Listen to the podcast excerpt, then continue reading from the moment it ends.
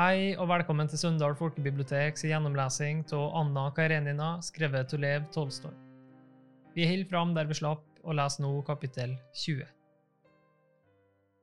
Hele denne dagen tilbrakte Anna hjemme, altså hos Oblonskis, og hun tok ikke imot noen, enda noen av hennes bekjente hadde fått rede på at hun var kommet, og innfant seg allerede samme dagen. Hele kvelden var Anna sammen med Dolly og barna. Hun sendte bare en liten beskjed til broren at han absolutt måtte spise middag hjemme. Kom, Gud er nådig, hadde hun skrevet. Oblonskij spiste hjemme. Samtalen gikk om alle ting, og konen sa du til ham i motsetning til tidligere. Mann og kone var fremdeles fremmede for hverandre, men det var ikke lenger tale om skilsmisse, og Stepan Arkaditsj øynet en mulighet til å få snakke ut og oppnå forsoning. Like etter middag kom Kitty, hun kjente Anna Arkadjevna, men svært dårlig, og det var ikke uten frykt hun nå var dratt til søsteren, spent på hvordan denne sosietetsdamen fra Petersburg som alle roste så, ville ta imot henne. Men Anna Arkadjevna likte henne, det la hun straks merke til. Anna gledet seg tydeligvis over hennes skjønnhet og ungdom, og før Kitty fikk sukk for seg, følte hun ikke bare at hun var kommet under hennes innflytelse, men også at hun var forelsket i henne slik unge piker kan forelske seg i gifte kvinner som er eldre enn de selv. Anna lignet verken en verdensdame eller mor med en åtte år gammel sønn, men minnet snarere om en 20 års pike med sine spenstige bevegelser, sin friskhet og sitt ansikt som spilte av et liv som snart brøt frem i smilet og snart i blikket. Hadde det bare ikke vært for det alvorlige, stundom sørgmodige uttrykket i øynene hennes som virket så sterkt og dragende på Kitty. Kitty følte at Anna var fullstendig naturlig og ikke skjulte noe, men at hun gjemte en annen og høyere verden av kompliserte og poetiske interesser som hun ikke kunne trenge inn i. Efter middagen, da Dolly var gått inn på sitt eget værelse, reiste Anna seg raskt og gikk bort til broren, som var i ferd med å tenne en sigar. Stiva, sa hun og blunket muntert, slo korsets tegn over ham og nikket mot døren. Gå, så må Gud hjelpe deg. Han forsto hva hun mente, kastet sigaren og forsvant bak døren. Da Stepan Arkaditsj var gått, vendte hun tilbake til divanen, hvor hun hadde sittet omgitt av barna. Enten var det fordi barna hadde sett at moren var glad i denne tanten, eller fordi de selv følte noe eget tiltrekkende ved henne. Allerede før middag hadde i alle fall de to eldste, og med dem de mindre også, slik det ofte er med barn, huket tak i den nye tanten og vek ikke fra henne og det kom i stand noe som lignet en lek mellom dem. Den gikk ut på å sitte så nær tanten som mulig, ta på henne, holde den lille hånden hennes, kysse henne, leke med ringen hennes eller bare røre ved rysjene på kjolen hennes. Nå, nå setter vi oss slik vi satt, sa Anna Arkadjevna og satte seg på plassen sin. Og igjen stakk Risha hodet under armen hennes, la hodet mot kjolen og strålte av stolthet og lykke. Når skal så ballet være, sa hun til Kitty. I neste uke, og det blir et skjønt ball, et av de ballene hvor det er morsomt hele tiden. Men finnes det slike hvor det er morsomt hele tiden, sa Anna med blid ironi.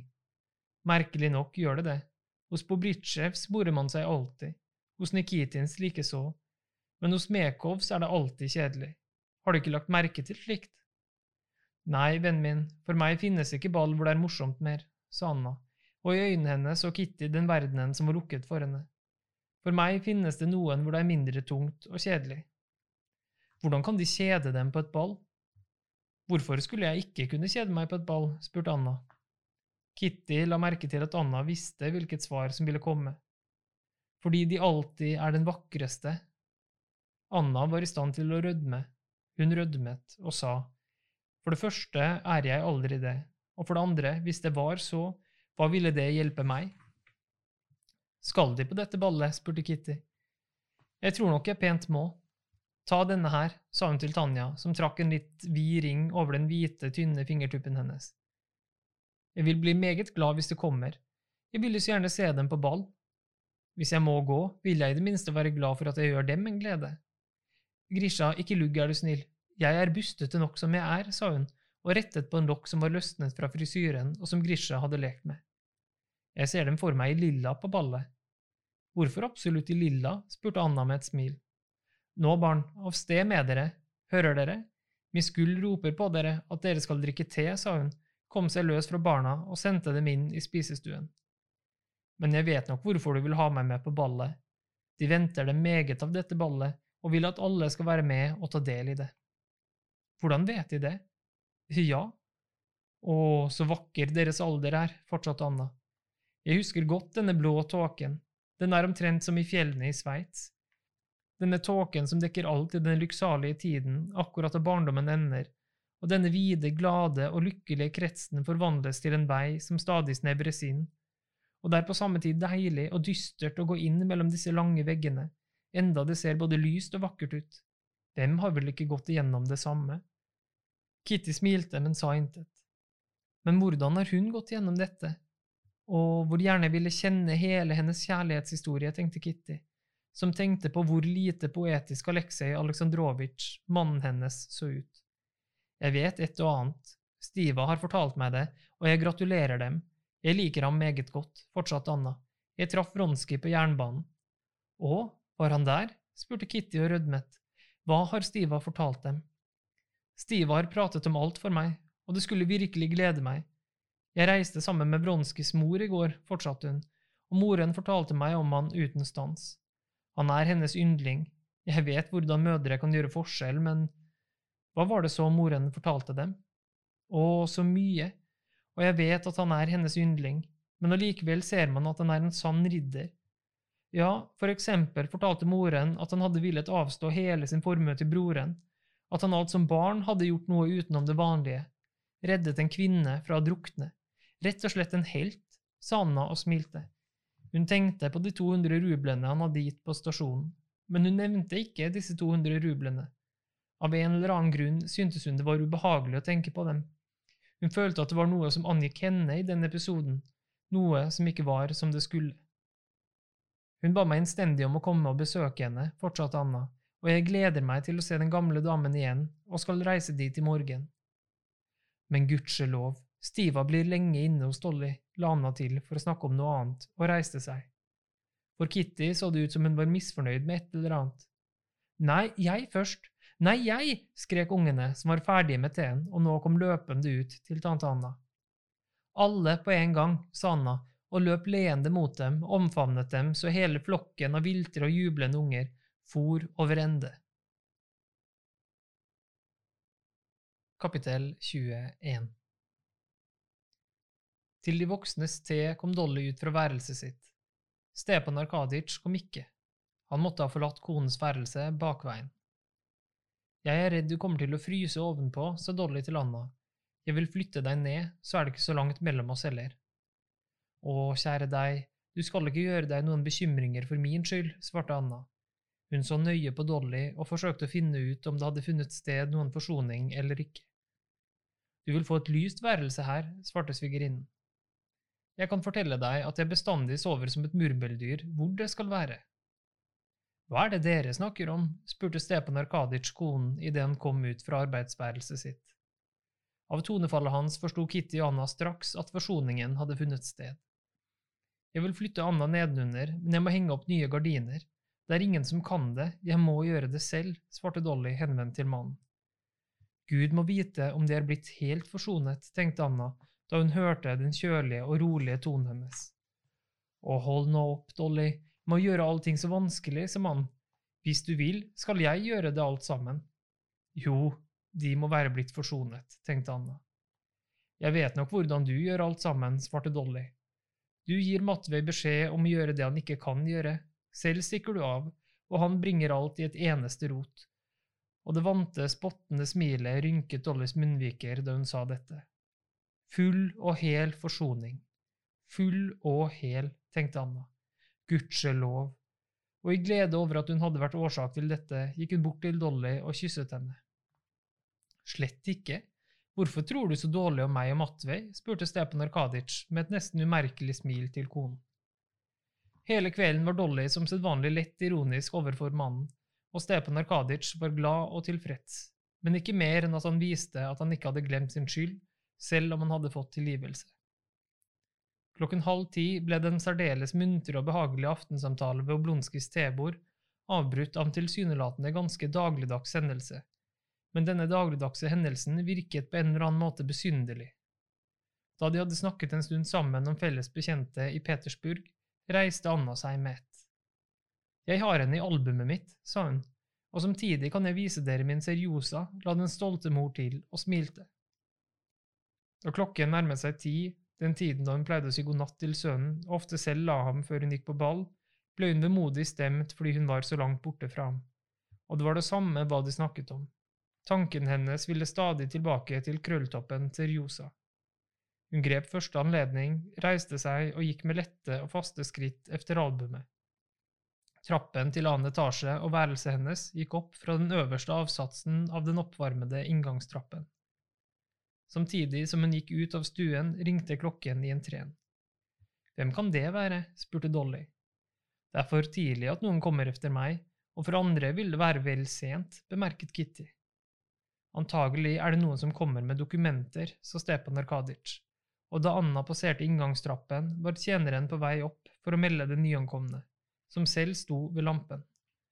Anna kikket ned og gjenkjente straks Vronskij, og en selsom følelse av behag og redsel på samme tid dirret hjertet hennes. Han sto med frakken på og fant noe frem av lommen. I det øyeblikk hun var rett over i trappen, hevet han øynene og oppdaget henne, og det kom noe skamfullt og skremt i ansiktsuttrykket hans. Hun bøyet hodet lett og gikk forbi og bak seg hørte hun Oblonskijs rungende røst som ba ham komme inn, og Vronskijs lave, bløte og rolige stemme som sa nei. Da Anna kom tilbake med albumet, var han godt alt, og Stepan Arkadic fortalte at han hadde kjørt innom for å få nærmere rede på en middag de skulle gi for en tilreisende berømthet dagen efter. Og ikke for noen pris ville han innenfor. Han er da merkelig også, sluttet Stepan Arkadic. Kitty rødmet. Hun trodde bare hun forsto hvorfor han var kommet, og hvorfor han ikke hadde villet inn. Han har vært hos oss, tenkte hun, og så traff han meg ikke og tenkte jeg var her. Men han kom ikke inn fordi han syntes det var for sent, og fordi Anna var her. Alle så på hverandre uten et ord og begynte å se i Annas album. Det var ikke noe ualminnelig eller merkelig at en mann kjørte innom sin venn klokken halv ti om aftenen for å få rede på noen enkeltheter omkring en planlagt middag og ikke kom inn men alle syntes det var rart. Mest av alle syntes Anna at dette var rart, og ikke bra. Kapittel 22 Ballet var nettopp begynt da Kitty og moren steg opp den store, strålende trappen som var kantet av blomster og lakeier i pudderparykker og røde kaftaner. Fra salen lød sus av rimmelen jevnt som i en bikube, og mens de sto på en avsats omgitt av pottetrær og rettet på frisyren og kjolen foran speilet, hørte de de forsiktige, klare tonene av orkesterets fioliner som spilte opp til første vals. En eldre herre i sivil som hadde stått og ordnet sine grå tinninger ved et annet speil og sendt ut en duft av parfyme, støtte borti dem og ga plass, mens han tydelig gledet seg ved synet av den ukjente Kitty. En skjeggløs mann, en av de unge verdensmenn gamle fyrst Tsjetsjerbatskij kalte mammadalter, hilste på dem mens han rettet på sløyfen i den usedvanlig åpne vesten og løp forbi, men han snudde seg og engasjerte Kitty til kvadriljen. Første kvadrilje hadde hun alt lovet Vronskij, så hun måtte gi den unge herren nummer to. En militær som sto og kneppet en hanske, ga plass ved døren og nøt synet av Kitty i hennes rosa kjole mens han strøk knebelsbarten sin. Enda toalettet, frisyren og alle forberedelsene hadde kostet Kitty mye strev og tankearbeide, trådte hun nå, iført en komplisert tyllkjole med rosa overtrekk, så ledig og naturlig inn på ballet at man ikke skulle tro alle disse rosettene, kniplingene og alle de andre detaljene i toalettet hadde kostet henne og folkene i huset et øyeblikks oppmerksomhet, som om hun var født i tyll og kniplinger og med denne høye frisyren med en rose og to blader på toppen. Da den gamle fyrstinnen like foran inngangen til salen ville rette på et bånd i beltet hennes som hadde vridd seg, dro Kitty seg litt bort fra henne. Hun følte at alt burde være perfekt og grasiøst på henne av seg selv, og at intet skulle rettes på. Kitty hadde en av sine lykkelige dager. Kjolen klemte henne ikke noe sted, ingen steds var kniplingbertaen glidd ned, rosettene var ikke blitt krøllete eller revet av, de rosa skoene med de høye, krumme hælene trykket ikke, men lot foten følge velvære. De tykke flettene med blondt løshår lå om det lille hodet som om de var hennes egne. Alle de tre knappene på den lange hansken var kneppet uten å ryke. Den svøpte seg om hånden hennes uten å forandre dens form. Det sorte fløyelsbåndet med medaljongen slynget seg særlig ømt om halsen. Dette fløyelsbåndet var bedårende, og da Kitty sto hjemme og så i speilet på halsen sin, følte hun at båndet talte. Om alt det andre kunne det nok reises tvil, men fløyelsbåndet var fortryllende. Kitty smilte også her på ballet da hun så på det i speilet. Kittys blottede skuldre og armer føltes marmoraktige, en følelse hun likte særdeles godt. Øynene strålte, og de røde leppene smilte uvilkårlig i bevisstheten om sin egen ynde. Hun rakk ikke å komme inn i salen og gå bort til flokken av damer som strålte av tyll, bånd, kniplinger og farver, og ventet på å bli budt opp til dans. Kitty hadde aldri stått i denne gruppen. Før hun ble engasjert til valsen, og det av ballets fremste kavaler, toppkavaleren i ballhierarkiet, den berømte balldirektør og seremonimester, den gifte, vakre og statlige herre Jegorusjka Korsunskij. Han hadde nettopp forlatt grevinne Banina, som han hadde danset første tur av valsen med, og tok nå et overblikk over sitt domene, det vil si dansegulvet med noen par som hadde bitt seg utpå. Så fikk han øye på Kitty idet hun trådte inn, og med den særegne, ledige passgang som er spesiell for balldirektører, løp han bort til henne, bukket og rakte fram hånden for å ta henne om det slanke livet, uten å spørre om hun ville danse en gang. Hun så seg om etter noen å gi viften til, og vertinnen tok den med et smil. Så godt at de kom presis, sa han og la armen om livet hennes. Det er da også en uskikk å komme for sent. Hun bøyet seg og la den venstre hånd på skulderen hans, og de små føttene i de rosa skoene beveget seg hurtig, lett og regelmessig henover den glatte parketten. Det er en hvile å danse vals med dem, sa han, og tok de første langsomme valsetrinnene. Nydelig, for en letthet, presisjon, sa han til henne, akkurat som han sa til nesten alle sine gode bekjente. Hun smilte som takk for komplimenten og fortsatte å granske balsaen over skulderen hans. Hun var ingen nykomling som så alle ansiktene på ballet flyte sammen til et eneste magisk bilde. Heller ikke var hun en pike som var blitt dratt fra ball til ball og kjente alle ansiktene så godt at hun var lut lei av dem. Men hun befant seg midt imellom disse to ytterpunktene. Hun var opprømt, men samtidig hadde hun såpass herredømme over seg selv at hun kunne bruke øynene. I venstre hjørne av salen så hun hadde blomstene av selskapet samlet seg. Der var Korsunskis vakre hustru Liddi, utringet til det umulige, der var vertinnen, der skinte flintskallen til Krivin, som bestandig var der selskapets blomst var. Dit skottet ungdommen, men torde ikke å komme bort til. Der fikk hun øye på Stiva, og like efter Annas hode og yndige skikkelse i sort fløyelskjole. Også han var der. Kitty hadde ikke sett ham siden den aftenen hun hadde sagt nei til Levin. Med sine skarpsynte øyne kjente Kitty ham straks igjen, og la endog merke til at han så på henne. En tur til, hva? De er ikke trett, sa Korsunski, lett andpusten. Nei takk, hvor skal jeg føre dem? Fru Karenina er visst her, før meg til henne. Som de vil. Og med forsiktige trinn valset Korsunski rett mot gruppen i venstre hjørne av salen mens han stadig sa Pardon, madame, pardon, pardon, madame, og idet han kysset gjennom dette havet av kniplinger, tyll og bånd uten å henge fast i så mye som en fjær, svingte han sin dame så brått at de slanke bena i gjennombrutte strømper kom til syne, og slepet hennes sto om henne som en vifte som la seg om Krivins knær. Korsunski bukket, skjøt brystet frem av kjolen og bød henne armen for å føre henne til Anna Arkadjevna. Rødmende løsnet Kitty slepet fra Krivins knær og så seg litt svimmel om efter Anna. Anna var ikke lilla slik Kitty absolutt hadde villet men i sort, dypt utringet fløyelskjole som blottet hennes fyldige skuldre og barm med glans som av gammelt elfenben, og de runde armene med de fine, ørsmå hendene. Hele kjolen hennes var garnert med venetiansk gipyr. På hodet, i det sorte håret som helt igjennom var hennes eget, hadde hun en liten girlande med stemorsblomster og likedan en på det sorte beltebåndet som løp mellom de hvite kniplingene. Frisyren hennes var ikke påfallende, Påfallende var bare de gjenstridige, sjarmerende, korte lokkene som alltid slet seg løs i nakken og ved tinningene. Om den elfenbensskinnende halsen lå et perlekjede. Kitty så Anna hver dag, var forelsket i henne og hadde absolutt forestilt seg henne i lilla. Men nå da hun fikk se henne i sort, følte hun at hun ikke hadde forstått hele hennes dragende skjønnhet. Nå var hun fullstendig ny og uventet for henne. Nå forsto hun at Anna ikke hadde kunnet gå i lilla og at hennes sjarm nettopp besto i at hun alltid trådte frem av sitt toalett, at toalettet aldri ble lagt merke til på henne, og den sorte kjolen med de bugnende kniplingene såes ikke, den var bare en ramme, og det man så var henne alene, enkel, naturlig, elegant og samtidig lys og livlig.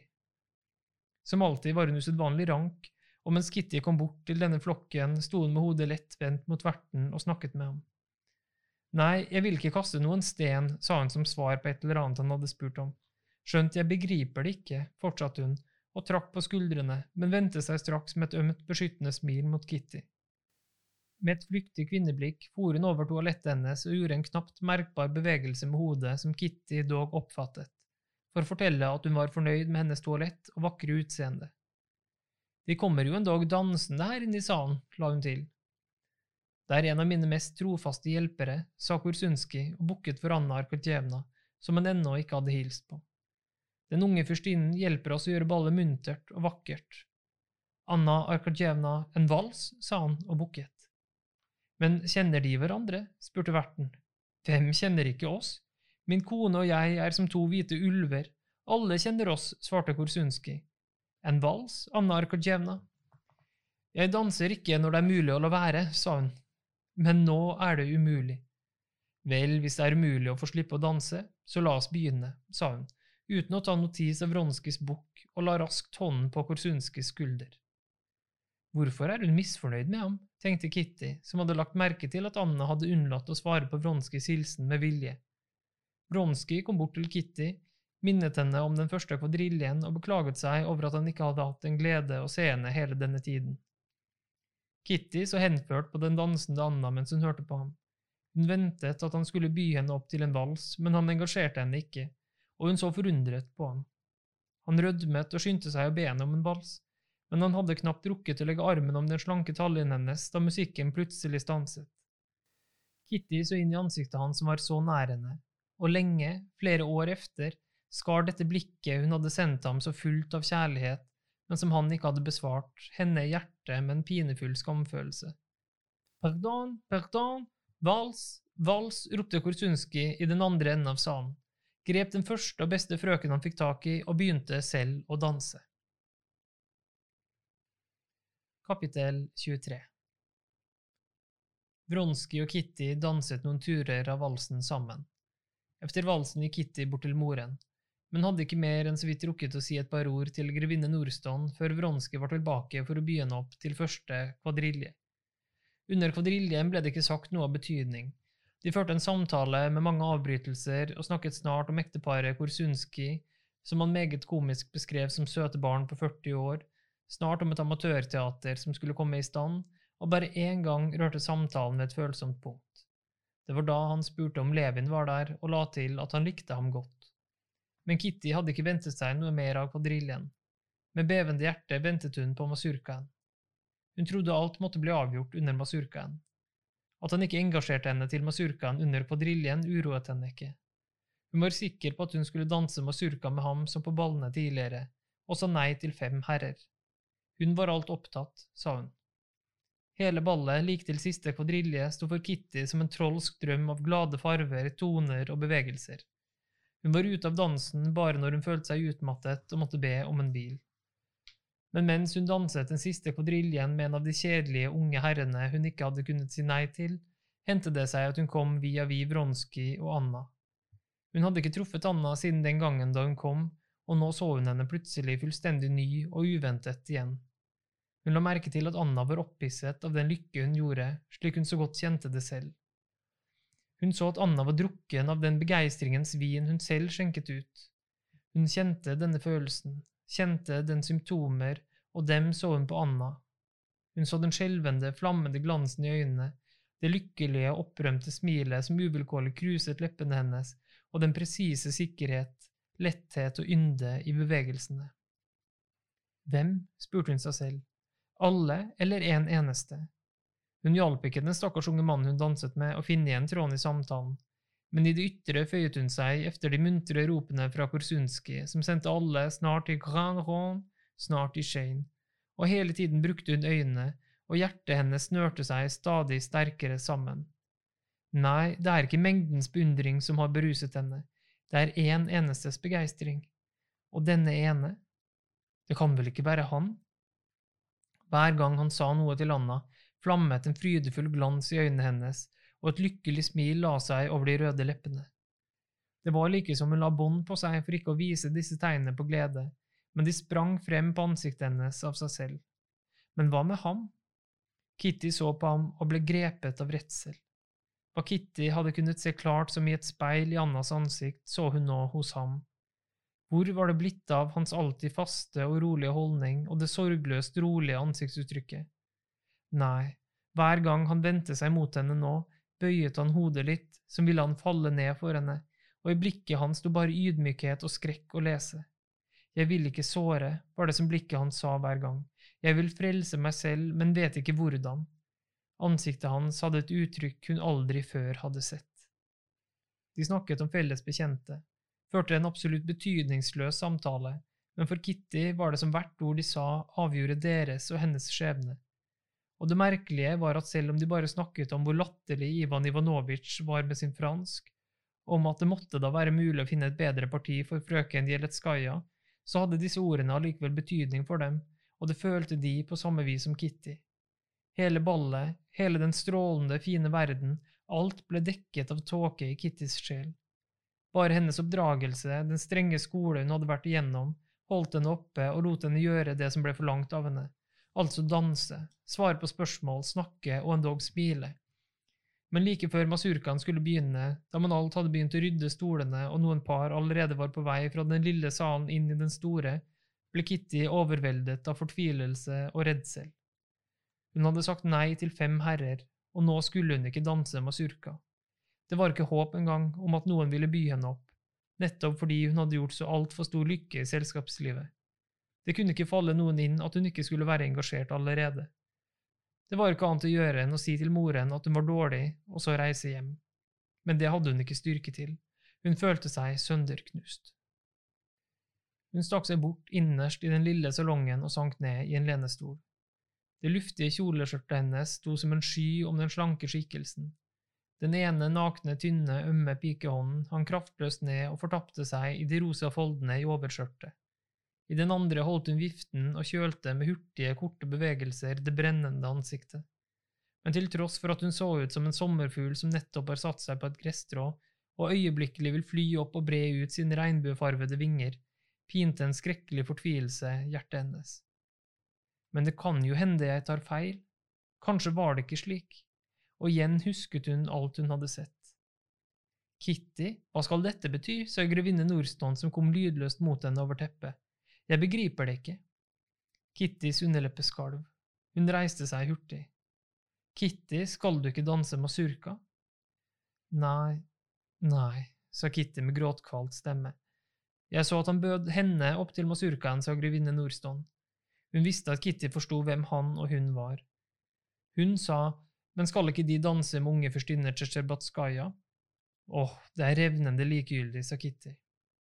Ingen uten hun selv forsto situasjonen. Ingen visste at hun dagen i forveien hadde sagt nei til en mann hun kanskje elsket, sagt nei fordi hun trodde på en annen. Grevinne Nordstånd fant Korsunski, som var hennes kavaler under masurkaen, og bød ham å engasjere Kitty. Kitty danset i første par, og til all lykke behøvde hun ikke å si noe, for Korsunski løp hele tiden rundt og ordnet opp. Vronski og Anna satt nesten like overfor henne. Hun så dem med sine skarpeste øyne. Hun så dem også på nært hold når parene støtte sammen, og jo mer hun så dem, jo sikrere ble hun på at hennes ulykke var en kjensgjerning. Hun så at de følte seg alene i denne fulle salen, og i Vronskis ansikt så hun dette uttrykket som hadde slått henne, maktesløst og ydmykt, som uttrykket hos en klok hund som har gjort noe galt. Anna smilte, og smilet smittet over på ham. Hun falt i tanker, og han ble alvorlig. En overnaturlig kraft dro Kittys øyne mot Annas ansikt. Hun var underskjønn i den enkle, sorte kjolen. Underskjønne var de fyldige armene med armbåndene. Underskjønn den faste halsen med perlekjede. Underskjønne de viltre lokkene i den løsnede frisyren. Underskjønne de små føttene og hendene i lette og yndefulle bevegelser. Underskjønt dette vakre ansiktet med alt sitt liv. Men det var noe grufullt og hardt i hennes skjønnhet. Kitty var oppslukt av henne enda mer enn før, og hun led også stadig mer. Kitty følte seg knust, og ansiktet hennes fortalte det. Da Vronskij støtte sammen med henne i masurkaen og så på henne, kjente han henne ikke igjen med det samme. Så forandret var hun blitt. Et herlig ball, sa han til henne for å ha noe å si. Ja, svarte hun. Midt i masurkaen gjentok Anna en innviklet figur hvor Sundski hadde tenkt ut, og kom frem midt i kretsen, tok to kavalerer og kalte på Kitty og en annen dame. Kitty kom mot henne med et forskremt blikk. Anna knep øynene sammen, så på henne, smilte og trykket hånden hennes. Men da hun la merke til at Kittys ansikt svarte på smilet hennes bare med et fortvilet og forundret uttrykk, vendte hun seg bort fra henne og begynte å snakke muntert med den andre damen. Ja, det er noe fremmed, noe demonisk og dragende ved henne, sa Kitty for seg selv. Anna ville ikke bli igjen til supeen, men verten begynte å nøde henne. Gi dem nå, Anna Arkadjevna, sa Korsunskij tok den blotte darmen hennes og stakk den under kjoleermet sitt. Den kotiljongen var vel en fin idé, ambition, og han rørte så smått på seg og forsøkte å få henne med. Nei, jeg blir ikke igjen, svarte Anna med et smil, men til tross for smilet forsto både Korsunski og verten på den bestemte tonen i svaret at hun ikke ville bli igjen. Men det er sikkert at de kommer i morgen? spurte Vronskij. Ja, jeg tror da det, svarte Anna. Det virket som om hun var forbauset over at hun kunne spørre så dristig men den ustyrlige, sitrende glans i øynene og smilet brente ham da hun sa dette. Anna Arkdjevna ble ikke igjen til supeen, og forlot ballet. Takk for oppmerksomheten. Oppleser var Torgeir Brun. Podkasten er produsert av Søndal folkebibliotek ved Torgeir Brun. Det prosjektet her er støtta av Nasjonalbiblioteket, og takk til Gyllendal Norsk Forlag for bruk av deres oversettelse.